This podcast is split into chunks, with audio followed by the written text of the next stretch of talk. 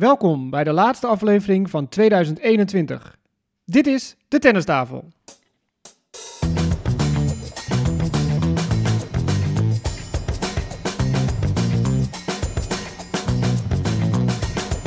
Please take your seats quickly, ladies and gentlemen. Thank you.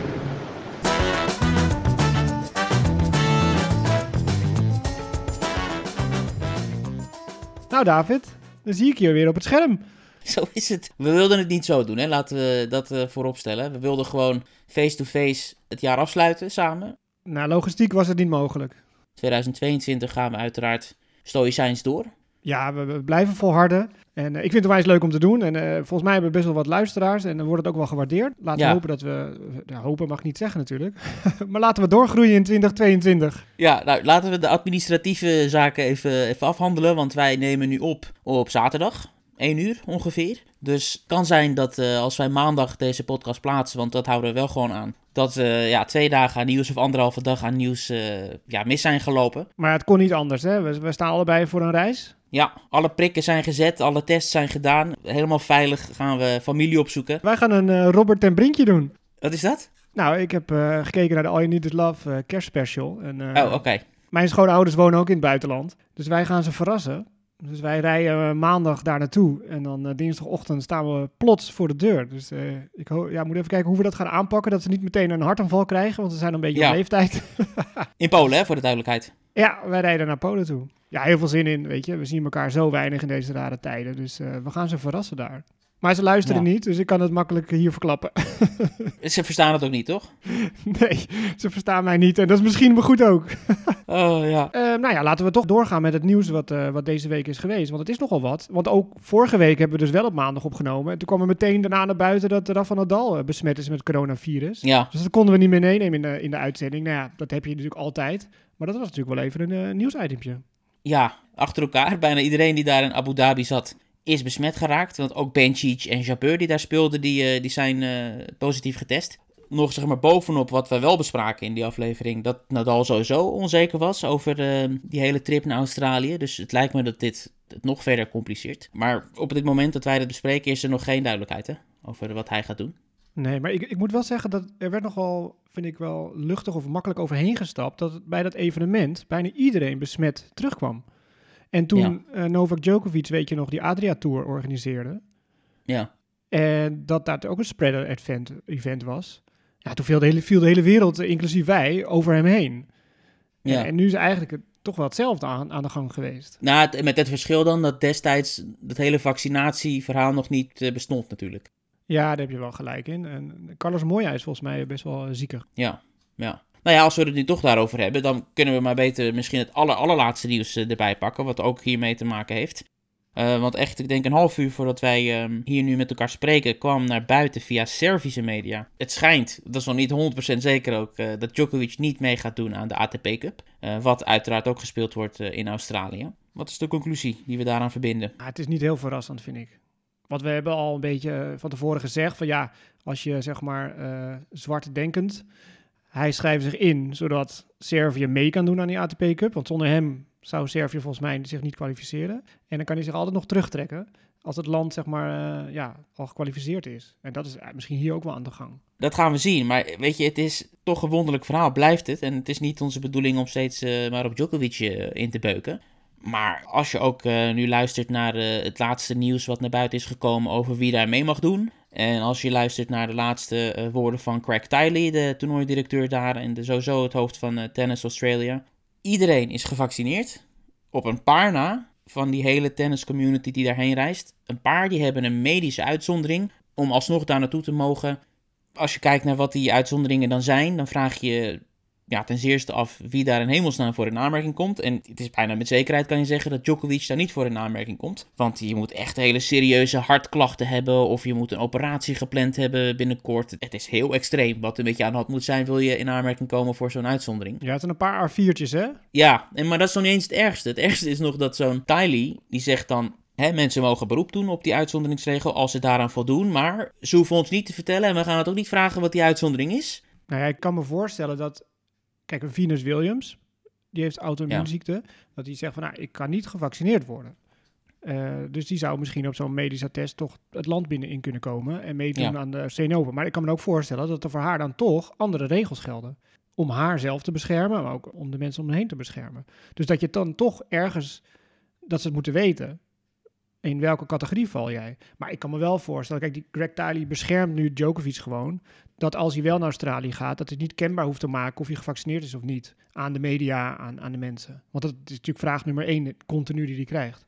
Ja, nou, Tyler die zei letterlijk, we gaan het hem niet vragen. Ja. Dat is dus iets wat hij zelf moet regelen verder met de Australische eh, autoriteiten. En als dat dan lukt, ja, dan is hij welkom bij ons. Jij zegt trouwens, eh, hij beschermt Djokovic. Die Tyler kreeg wel nog een draai om zijn oren van vader eh, Djokovic. Die heel vaak eh, de media opzoekt om allerlei rare uitspraken te doen. Nu kreeg, kreeg Tyler dus op zijn donder, omdat dat hele beleid met vaccinaties en zo, dat zou chantage zijn. Ja, maar het is niet het toernooi die die regels verzint, toch? Het is toch gewoon de, het Nee. land en de overheid en de, de provincie, zeg maar, de deelstaat. Ja, Die bedenken ja. toch de regels? Het Ja. kan Greg Tiley helemaal niks verwijten of, of, of het er Open. Nee. Wat je Craig Tiley misschien wel kan verwijten, als dat ook maar de vraag hoor, is of het handig is om alles helemaal open te gooien. Want de Australian Open, het toernooi zelf, is volgens de laatste eh, mededelingen die ik heb gelezen gewoon helemaal 100% bezetting. Ook niet meer dat soort zaken als vorig jaar met dat je in bepaalde zones wel mag eh, komen en bepaalde andere niet. Dus dat je echt een ticket zou hebben voor een stadion en dat je dan niet zeg maar ineens ergens anders eh, kan belanden. Wonder de wereld wordt het voor ons. Want wij kijken natuurlijk met jaloezie straks in januari sowieso al naar die fantastische mooie gele zon en, en het strand en al die beelden. En nu nog, ook nog aan al die mensen die vrij zijn. Ja. Wie wel mee gaat doen trouwens is Andy Murray. Hè? Daar hadden we het ook eh, over eh, in de vorige aflevering. Dat hij nog in afwachting is van een wildcard. En nou, die heeft hij gekregen. Surprise. Het is toch wel weer bijzonder, want de laatste keer dat hij speelde was 2019. En dan kreeg je die mooie afscheidsvideo. Ja, Met het afscheidsinterview in het volle stadion. Met eh, zijn voormalig coach was dat geloof ik, hè, die dat interview deed. En dan de eerstvolgende Ja, keer dat hij terug is, ja, speel- speelt hij gewoon het hoofdtoernooi. Sterren van de hemel, let maar op. Het is al pijnlijk Ja. ook wel weer voor de organisatie, toch? ja het was eh, gewoon een misverstand destijds. Ik zat ook in, die, in het stadion toen het allemaal eh, zich afspeelde. En het was een waanzinnige sfeer hoor, dat eh, vooropgesteld. En ik dacht ook, ik ben hier onderdeel van een heel bijzonder moment. Totaal niet is. Eh althans wel bijzonder in de zin van dat het een historische misvatting is geweest. Maar als we het rijtje even nu opsommen. We hebben een aantal zieken genoemd. Nadal hebben we genoemd. Uh, hebben we genoemd. Jabeur hebben we genoemd. We hebben ook afmeldingen binnen van Mugawa. Waar jij ook wel fan van bent. Ja. Waar we allemaal wel fan van zijn. Eh, vorig jaar nog halve finaliste in Australië. Zij gaat eh, er niet heen. Dus dat is één halve finaliste. De finalisten van vorig jaar noemden we al. Jennifer Brady Jennifer ook Brady. niet erbij. Dus het, eh, het hoopt zich wel op. Raonic trouwens bij de mannen heeft zich ook afgemeld. Pliskova niet erbij. Ja, Maar dus stevige lijst al. En Demi Schuur zit niet in het vliegtuig deze kerst richting Australië. Wij kregen daar nog een bericht over, hè? Via social media, of wij daar iets van weten. Ja, Bene Tennis op Twitter, die stuurde ons een berichtje inderdaad. Dus eh, nou ja, daar gaan we natuurlijk wel iets mee doen. Dus ik heb eh, Ja. even contact gezocht met Demi. Onderzoeksjournalistiek. Zo is het. en eh, ze is geopereerd onlangs. En ze is herstellende. Dus vandaar dat ze niet naar Australië gaat. En de verwachting is dat ze in februari terug op de Tour is. Dus we wensen via deze weg natuurlijk veel sterkte met herstel. En eh, ja, ze kan genieten Ja. van de familie. Want normaal gesproken, ja, alle spelers zitten nu. Dus ik ben ook niet zo bang dat er eh, nieuws opeens komt. Want alle spelers zitten in het vliegtuig. En normaal gesproken Ja. zit zij daar natuurlijk ook in. Eh, maar nu zit ze thuis met de family. Ja. Wetenschap en sterkte aan Demi Schuurs. En ik hoop, om het eh, maar bij de ziekenboeg eh, te houden, dat het niet een enorm drama wordt daar in Australië. Want ik, ik zie toch een beetje somber in met al die eh, besmettingen en met de toch wat soepelere regels. Hè? Want spelers kunnen zelf gewoon reizen hoe ze willen, hebben we ook gezien. Geen chartervluchten, niet allemaal weer strak gemonitord. Ik hoop dat het allemaal goed komt daar. En dat het niet een enorme spreader of wat dan ook wordt. En dat er geen serieuze zieken vallen. Ja, want dat is de vraag. Kijk, Australië, Summer, zeg maar, van tennis, die kijken misschien alleen maar naar zichzelf. Van zo, wij gaan het hier allemaal goed regelen. En als de finale van de Australian Open is geweest, hebben wij een fantastische maand gehad. Ja, en eh, zoek het maar uit voor de rest van de, al die toernooitjes daarna, als er alleen maar zieken terugkomen.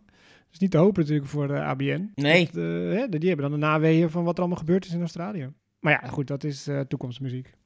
dat was Australië. Heb je nog iets eh, over Down Under of eh, kunnen we door? Ja, we kunnen al die dubbelkoppels wel even noemen van de Nederlanders, want er zijn nogal wat, eh, wat wisselingen geweest. Wij kwamen Matwee uh, Middelkoop tegen eh, van de week, toen we op het NDC eh, waren. En even met hem gesproken. En hij gaat verder met eh, Philip Oswald, een Oostenrijker. Eh, ja, we zeiden ook tegen Matwee, uh, probeer nou eens een keer een heel jaar te spelen met iemand. En uh, wie weet haal je die ATP-finals wel. Ja. Weet je? Uit, toch, uit een goed jaar. Zijn beste jaar misschien wel uit zijn carrière en de hoogste ranking. Maar ja, met verschillende spelers steeds. Waardoor het altijd een beetje, vind ik, dan niet echt in de, in de schijnwerkers komt. Omdat die race naar, nou, wat is het, Turijn? Ja. Niet, niet zo op de voorsprong komt. Daar maak je geen kans op dan als je steeds wisselt. Ja? Nee, ja, precies. Op zo'n Dus plek dan, daar. uh, nou ja, we hebben dan een nieuw koppel. Hè? Wesley Koolhof met uh, Skupski, de Brit. Ik ben wel benieuwd ja. wat dat gaat worden. Nou, we hebben Botik gaat dubbelen. Nou, dat zie je ook niet zo heel vaak. Met Robin Haase samen. Tellen gaat ook dubbelen met de Italiaan Favazori. En we hebben Jean-Julien Royer met uh, Marcelo Aravalo, de voormalige partner van uh, Matwee Middelkoop. Dus we hebben best wel wat nieuwe pairings. Ja, die Botik en uh, Talon pairings, dat is gewoon eenmalig toch? Voor in Australië. Dat lijkt me niet dat dat een lange termijn iets is. Die gaan zich richten op de single, lijkt me. Ja, ja, ja. Kijk, single ja. uh, gaat voor, maar ze hebben natuurlijk gigantisch veel wedstrijden vorig jaar gespeeld in het enkelspel. Maar dat was op de Challenger Tour. En de verwachting is misschien dat je niet zoveel wedstrijden gaat spelen die je op de Challenger Tour deed, ook op de ATP Tour. Laten we hopen wel dat Tellen acht toernooien wint op de ATP Tour. Ja. Maar laten we eerlijk zijn, de kans is niet heel erg groot. Dus dan kan je er wel bij blijven dubbelen, hè? zodat je toch een beetje in het wedstrijdritme blijft. Nou ja, hebben we nog bij de vrouwen Leslie Kerkhoven, Patinama moeten we zeggen, erbij speelt met Rodianova. En Aranska Rus speelt met uh, Diaz Parisas. Nog nooit van gehoord. En, uh, dus we hebben best wel wat uh, Nederlandse deelnames daar op de Oceaan Open. Hoe ziet jouw Australië eruit? Ja, dat is, vind ik al wel moeilijk. Want ik heb dagelijkse werkzaamheden ook die gewoon doorgaan. Kijk, jullie gaan Ja. helemaal vol voor het commentaar natuurlijk. Ja, Jullie, jij en Abe switchen. Eh, nou ja, jij hebt sowieso eh, weinig slaap nodig volgens mij. Ja. Eh, ja, weet je wat het dan is? Dan blijf ik wakker tot, eh, tot de Nederlandse speler gaat beginnen. En dan steeds aan het inspelen, weet je. Dan heb je het helemaal volgehouden en dan zak je oogje. val je slaap. Ja. Lekker dan. Dus Australië vind ik altijd ja, vind ik niet het beste slam om te volgen. In de ochtend heb je dan. voor zich, ja. Ja, de avondsessies heb je dan lekker in de ochtend. Dat is ja, altijd dat wel, is wel fijn. Oké, dat was Australië. Dat was toch een leuk coachingsnieuwtje. We weten dat Gunther Bresnik, de grote Gunther Bresnik, eh, al werkte met eh Monfils het afgelopen jaar. Ex-coach van het team en in het verleden ook van eh, Boris Becker. Maar Team Monfils bestaat eh, tegenwoordig eh, in het dagelijks leven ook uit eh, mevrouw Svitolina. En het schijnt dus dat Bresnik ook, eh, ook Svitolina gaat bijstaan. dus Oh jee. het is een soort eh, gezinscoach. Man, vrouw en dan ben je een soort mediator. ja, Ook ja, ja. En hij is heel streng, weten we. Dus- Dus als er een relatieprobleem is, dan eh, mag je ook Ja. optreden. Ja, wonderlijk. Ik weet niet hoe intensief het zal zijn. Of dat hij gewoon op de momenten dat ze samen zijn, dat ze haar er even een beetje bij doet. Of dat het echt een 50-50 ding wordt. Nou ja, op alle slams natuurlijk. En eh, die Masters series kunnen, ze, kunnen ze samen doen. En we hebben het ook over de Jan de Wit gehad met Andy Murray, die eh, bezig waren aan een eh, proefperiode. Daarover heb ik ook gehoord dat ze goed genoeg geproefd hebben aan elkaar dat ze Australië gaan doen. Ja, hij is ook van die bussen, hè? Die hele grote bustours, eh, Jan de Wit. Ja. Ja, precies. maar over die achtergronden gesproken. Kijk, wij proberen hier altijd een beetje eh, mensen wat meer mee te geven... dan dat je alleen maar, zeg maar, plat op televisie ziet.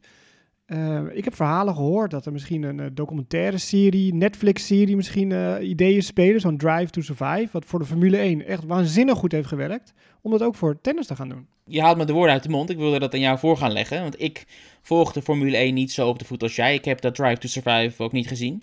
Ja, zeg het maar. Ja, klopt. Eh, ik- Twee, drie seizoenen. Ik heb ze allemaal gezien. En eh, het- ze maken het wel iets meer drama van achter de schermen. En zoeken ze elke keer een thema uit. En dan belichten ze dat meer. En het is heel succesvol. En, en daardoor wordt Formule 1 ook succesvoller in Amerika bijvoorbeeld. Omdat in Amerika was Formule 1 helemaal... of is nog niet zo succesvol als NASCAR en eh, IndyCar. Ja, En je hebt natuurlijk die dramatische omknoping gezien met Max Verstappen en Lewis Hamilton. En dat die wedstrijdleiding bepaalde keuzes heeft gemaakt. We gaan dan boze tong op. Ja, dat heeft hij gedaan voor Netflix om het nog meer drama mee te geven. oké. Dus dat het niet zozeer het sportieve aan de regels houden, maar juist weet je de regels buigen. Zodat, nou, dat is wel gelukt met het drama natuurlijk. Eh, maar goed, die rivaliteiten tussen die coureurs en de teams en dat soort dingen, dat wordt onwijs, ja, misschien wel een beetje opgeblazen of hè, groter gemaakt dan dat het is. Maar daarvoor kijken er wel veel meer mensen naar de sport. Ja, dat zou misschien ook wel goed zijn voor tennis inderdaad. Alleen ja, wij, wij zitten er zo diep in. Wij weten wel een beetje, ja, dat is aangedikt of dat is nep of dat is verknipt of even uit zijn verband getrokken. Ja, om een heel wat breder of nieuw publiek gaan aanboren, ja, zou dat wel gaaf zijn.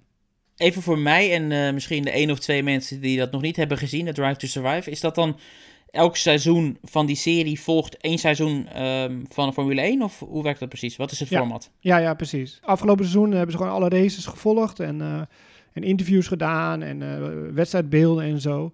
Aan het begin van het nieuwe seizoen, dus in maart gaan ze weer racen. Daarvoor komt dan Drive to Survive van afgelopen seizoen, zeg maar. Wat ze ervan gemaakt hebben. Oké. En is dan elke aflevering, eh, gaat dan over één eh, race? Nee, helemaal niet. Het gaat het? bijvoorbeeld over twee teams die het moeilijk hebben. Of over rijderswisseling. Of iemand die met contractverlenging bezig is, wel of niet. Of controversies en dat soort dingen. Het is natuurlijk ge- geweldig inkijken ook achter de schermen. Want bij Netflix, eh die makers mochten overal bij.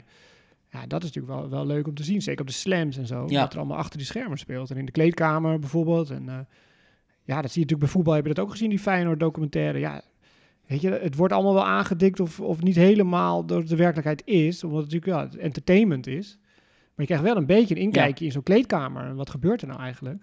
En eh, ja, dat zou voor tennis misschien ook hartstikke leuk zijn. En ik kan me voorstellen, als jij daar bijvoorbeeld toen hè, met Sharapova en Serena, hoe gaat het dan met z'n tweetjes in de kleedkamer? Weet je, hoe, hoe nou, dat kunnen ze natuurlijk prachtig wel een verhaallijn maken. Ja, er zijn genoeg eh, sappige verhalen die, eh, die wij kennen en die, eh, die soms het daglicht niet eens zien. Ja, nou ja, ze kunnen het hele jaar de Poetin Sova eh, volgen. je hebt elke week drama met haar, volgens mij. Ja, we weten in ieder geval dat eh, Netflix al eerder tennis-docu's heeft gemaakt. Met Osaka natuurlijk, dat hele eh, ja, vrij uitgebreide ding wat ze gedaan hebben. Eh, met Muratoglu hebben we gezien eh, dat ze een aflevering hadden opgenomen van de, hoe heet het, de coachings eh, playbook of zoiets. Dus de link ligt er al tussen de tenniswereld en Netflix. Dus wie weet dat, ze, dat het vanuit Netflix zelfs misschien kan eh, gaan ontstaan in plaats van andersom. Nou ja, het is natuurlijk ook gewoon geld verdienen. Weet je, als de WTA-tour bijvoorbeeld moeilijk heeft omdat China weg is gevallen. Ja, we hebben een gat opeens op de begroting, Ja. noem maar wat. Ja, zo eerlijk moeten we ook wel zijn. Het gaat natuurlijk om, eh, om cash ook. Plus Ja, PR. Over geld gesproken. nou, Sanchez Vicario, kennen we haar nog? jij wel. Nummer 1. Grand Slam winnares. Ja, dus, ik keek haar toen inderdaad. Dus Steffi Graaf en zo. Dat is een beetje mijn tijd dat Ja. ik tennis ging volgen. Maar die is flink in de problemen. Ik moet eerlijk zeggen, de details eh, kennen we niet. Er is schijnbaar een soort fraudekwestie met haar en haar echtgenoot in, eh, in Spanje. Ehm, zij zouden iets van geld weggesluist hebben om een bepaalde boete of wat dan ook niet eh, te betalen. En daar hangt nu een gevangenisstraf boven het hoofd van, ik meen, vier jaar. Ja, weet je, dat is een procedure dat loopt, weten we niet eh, de details eh, van. Maar het zou buitengewoon opmerkelijk zijn als een ex-nummer 1 in de cel zou belanden om zoiets. Maar toch hoor je het wel vaak. hè. Zo'n Boris Becker ook, weet je. Voormalig nummer 1 en miljoenen verdient. En dan die die gewoon alles kwijt is. En zijn bekers moet verkopen en zo. Ik vind het Ja. zo triest, hè. uiteindelijk eindigen ze nooit achter slot en grendel. Spanje wil niet dat een van de uithangborden natuurlijk zo eh, ja, neergaat, als het ware. Nee. Dus vaak eh, wordt er wel een soort oplossing gevonden om het, eh, om het netjes af te wikkelen. Maar ja, om Ja. verder te gaan op het geldkopje. Raducanu, het portfolio dat blijft maar groeien. British Airways, niet de kleinste partij in het Verenigd Koninkrijk, die heeft ja, haar binnengehaald. Het is zo ongetwijfeld binnenkort Forbes en al die andere tijdschriften die zullen ongetwijfeld een overzichtje gaan maken van wat zij sinds de US Open allemaal binnengeharkt heeft. Maar die is lekker bezig. Ja, als ze maar niet heel snel eh, bij alle toernooien eruit vliegt. Sportvrouw van het jaar hè, geworden. Of sportpersoon van het jaar moet ik zeggen. Dat is volgens mij eh, los van geslacht in eh, Groot-Brittannië. Over, over die verkiezingen gesproken, over hele andere verkiezingen. Dieder de Groot is niet Paralympiër van het jaar geworden. Nou, dat vind ik wel teleurstellend. Ja, sorry dat je Raducanu eh eh, topic even ombuigt. Nee, we zijn nationalistisch. Hup. Ja, maar je hebt de sportman van het jaar in Nederland, die wordt gekozen. Sportvrouw van het jaar. Maar bij de Paralympische sporters heb je er één. Mhm. Dat vind ik al belachelijk. Ik bedoel, de, sport, de Paralympische moet je gewoon volwaardig zien. En dat is ook, ze zijn allemaal topsporters. En je hebt er mega veel van. En super knap. En de Paralympics wordt alleen maar groter. En dan kies je er één die dan Paralympisch van het jaar wordt. Volgens mij een handbiker. Nou, ik had nog nooit van hem gehoord, maar dat ligt meer aan mij dan aan hem. Want hij heeft wel heel veel goud gewonnen en zo. Ja, Maar ja, als je het hele jaar door goed presteert, alle slams wint, golden slam wint ervan maakt, wereldkampioen wordt, ja, wat moet zij dan nog meer doen om, om die prijs te krijgen? Ja, ze heeft genoeg prijzen. De ITF heeft een wereldkampioen gekroond. Maar dit vind ik echt Nederland op zijn smalst. Echt belachelijk. ik wil niks afdoen aan de prestatie van... eh, ik ben zijn naam wel al vergeten, moet ik eerlijk bekennen. Maar dit is wonderlijk dat dat gebeurt. Ehm, en we weten dat tennis heeft altijd een bepaalde rare positie in Nederland. Dat het een beetje weggemoffeld wordt of zo. Nou ja, het is geen Olympische sport echt van origine, of moet je het zeggen, echt vanuit het hart of zo. Dat blijft dan toch nou aanhangen. Mon- mondiale sport. En ze presteert iets wat nooit eerder is gebeurd. Dat Golden Slam. In het, eh, Nee, in rolstoeltennis niet, maar dat komt omdat Wimbledon altijd eh, dubbels was en nooit single. Ja. En sinds een paar jaar is Wimbledon ook single. Anders had Esther Ja. Vergeer natuurlijk ook wel dat gewonnen. Daar gaan we vanuit. Als je Ja. 400 zoveel wedstrijden op rij wint. En je hebt Steffi Graaf natuurlijk Tuurlijk, ja. met valide 88. tennis. Precies. En je had nog Dylan Elcott, die het dit jaar ook haalde, de Australiër. Ja. Maar goed, die woont niet in Woerden of in Oude Water. Eén wedstrijd verloren in het begin van het jaar in Australië, geloof ik. Waanzin. Waanzin. Ja, laten we Raducanu dan ook maar vergeten, hè? Nou ja, verwacht jij wat van haar in 2022? Staat ze zeg maar in jouw toplijstje van wauw, die, die ga ik echt, eh, die gaat voor mij eh, doen. Ja, zullen we dan maar gewoon eh, dat doen, hè? onze voorspellingen voor volgend jaar? En dan kunnen we wel even eerst teruggrijpen op, op meneer Zverev. Die heeft iets gezegd over het komend jaar. Hij is er heilig van overtuigd dat wat er de afgelopen zes maanden is gebeurd een voorbode is voor wat er komend jaar eh, zal plaatsvinden. Met andere woorden, dat hij, Djokovic en Medvedev met z'n drieën de boel gaan runnen op de Tour. Ja, ik heb hem ook wel in mijn eh, top 3 staan, eh, die echt een mooi jaar gaan beleven.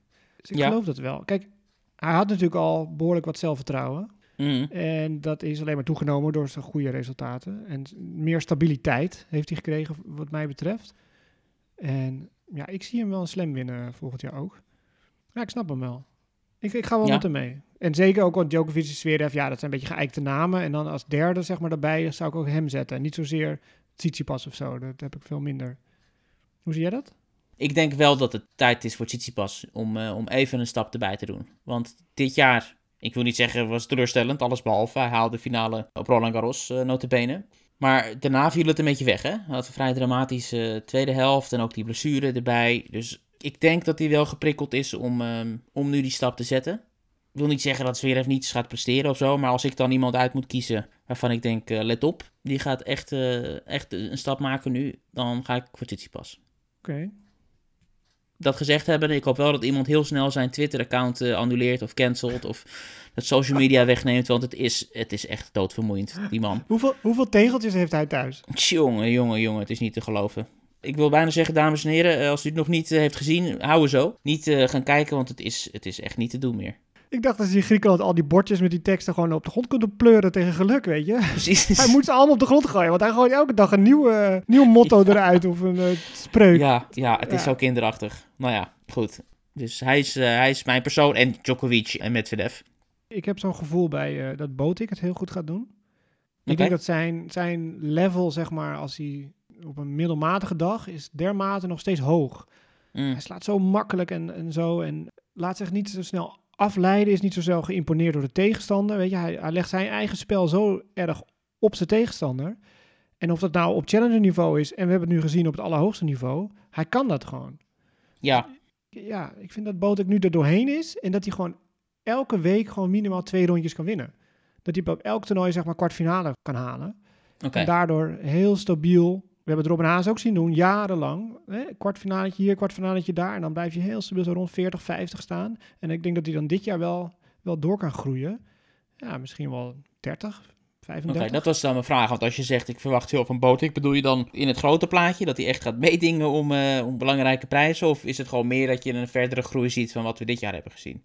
Ja, precies dat. Kijk, ik zie hem Ja. niet eh Roland Garros winnen. Nee, Maar ik zie wel dat hij zich echt verbetert qua ranking. Maar ook gewoon dat hij elke week wel, of als hij speelt, dat hij echt in de picture speelt. Dat denk ik echt. En ik denk ook dat hij, dat hij wel wat vaker op, zeg maar, op hoofdbanen eh, neergezet zal worden.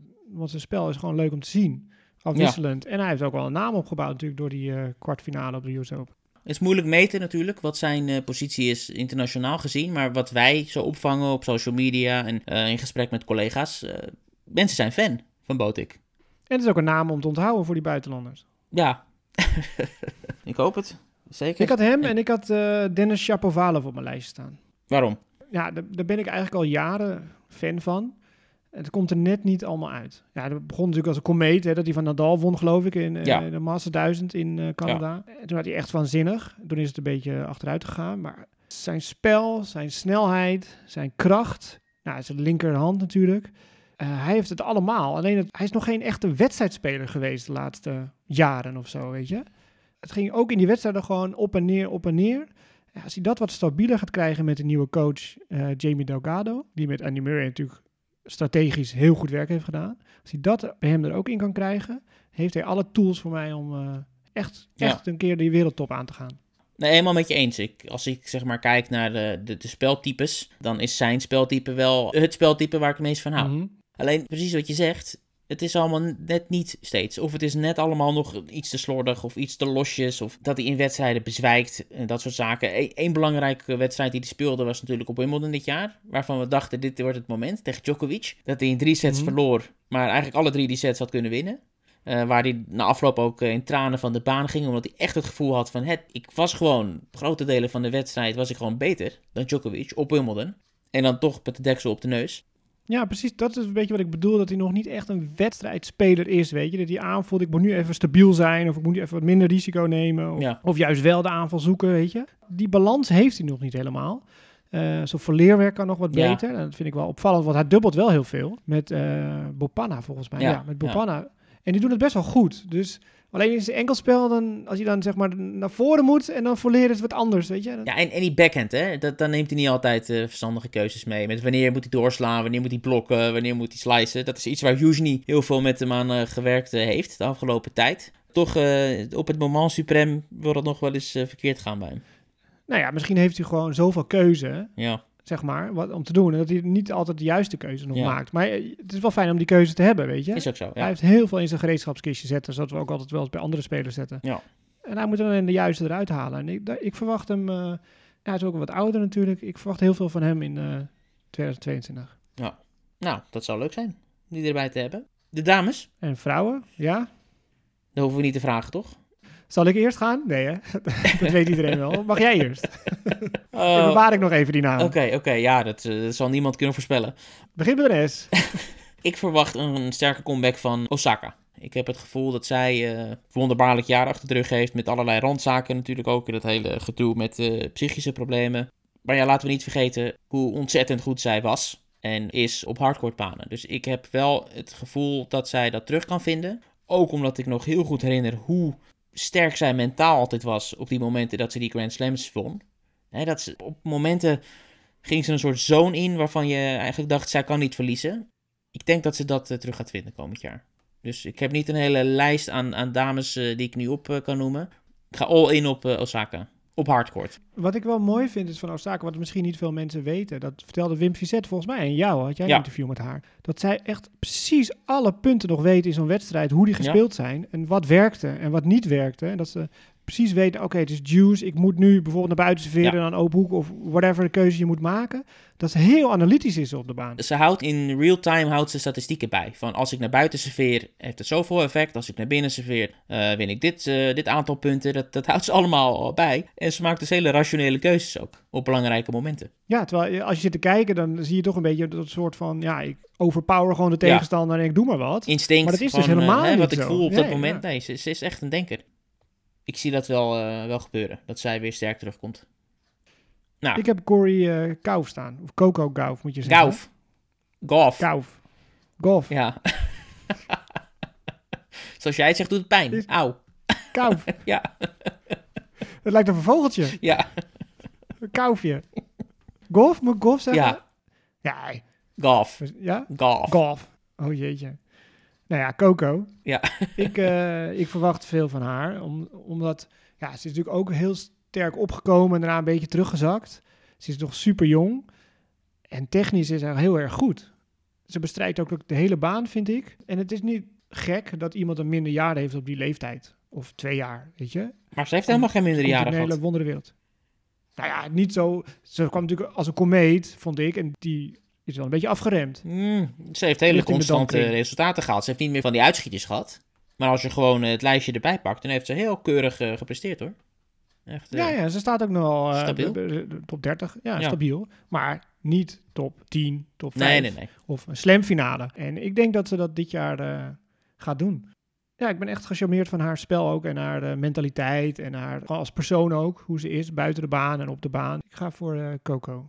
Coco is een leuke afleidingsmanoeuvre. To the point, eh, Stef. Oh ja, we krijgen een nieuwe Grand Slam winnares volgend jaar. Nou, tromgeroffel. Nou, dat, dat zal niet zo verrassend zijn, want die hebben volgens mij elk jaar eh, drie van de vier. Ja, het zal toch wel gaan gebeuren voor de Arina Sabalenka. Hoe langer eh, het niet gebeurt, eh, Hoe dichterbij het komt. zo kan je het ook zien. weet je, als je kijkt naar wie het allemaal wel gelukt is de afgelopen jaren, dan zou het een wonder zijn het als belachelijk het, dat ze het nog niet heeft. Ja. ja. Ja. Nummer twee nu van de wereld. En dus ja. Ja, dat gaat vallen dit jaar. Ze gaat een keer zeven wedstrijden stabiel eh, presteren achter elkaar. Nou ja, misschien eentje niet. Eén zo'n dipje die ze dan net overleeft. Dat moet je hebben. Ja. Dat, dat hebben bijna al die slam eh, kampioenen. Dat ze één wedstrijd overleven.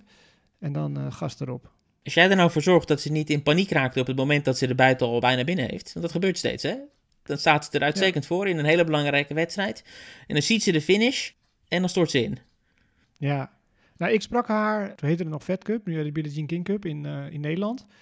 Toen verloor Nederland dramatische wijze van eh, Wit-Rusland. Met die, eh, weet je, die, die damesdubbel.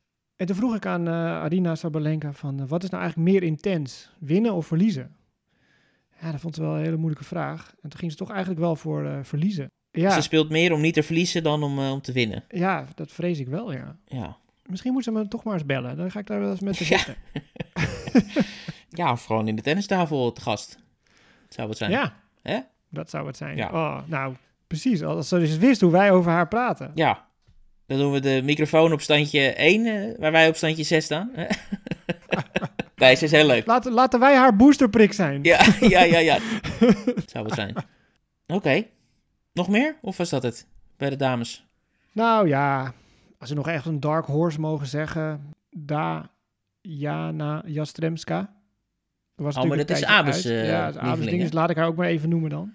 Was eruit Ja. voor de... Ja, ze werd beschuldigd van doping. Ja. Uiteindelijk vrijgesproken, maar wel een half jaar gemist. Eh, ver Ja. weggezakt op de ranking. Heeft wel ook wel weer de, de wapens om het te doen.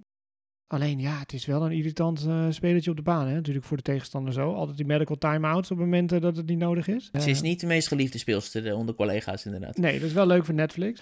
Maar goede service, goede voorhand. Heeft al wat coaches versleten. Daar ben ik ook nooit zo fan van. Hè? Blijf nou eens gewoon eh bijeen. Maar die heeft ook wel de tools om een topper te zijn. Ook die moet het weer Ja. allemaal wel een beetje gekneed en gedaan. Maar goed, ja. Weet je, soms, Ja. soms is afleren is veel moeilijker dan aanleren. Dus Ja, dat is ook wel weer lastig. Zij heeft het ook wel in zich. Dus laat ik die dan zeg maar als, nog even als derde toevoegen daaraan als Dark Horse van een mooi seizoen. dat lijkt me een goeie. En verder, al, al deze aflevering ga, mag je één keer afluisteren, iedereen.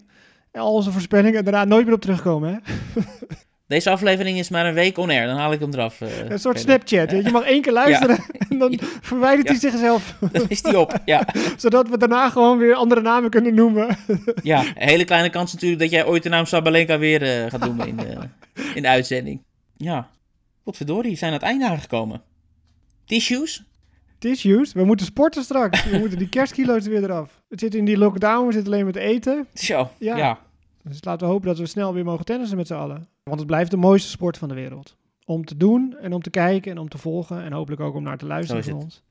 ja. Dus volgend jaar zijn we er weer. 3 januari toch? Maandag. Ja, hopelijk gewoon op de maandag weer. En eh, ja, mocht het eh, een dag vroeger of later zijn, dan laten we dat eh tijdig weten, uiteraard. Nou, rest mij alleen nog maar een mooie, mooie jaarwisseling te wensen. Ja, ook namens mij en zeker ook namens eh, Abe in eh, Costa Rica nog steeds. Heel erg bedankt voor het luisteren en eh, ja, Tot volgend jaar.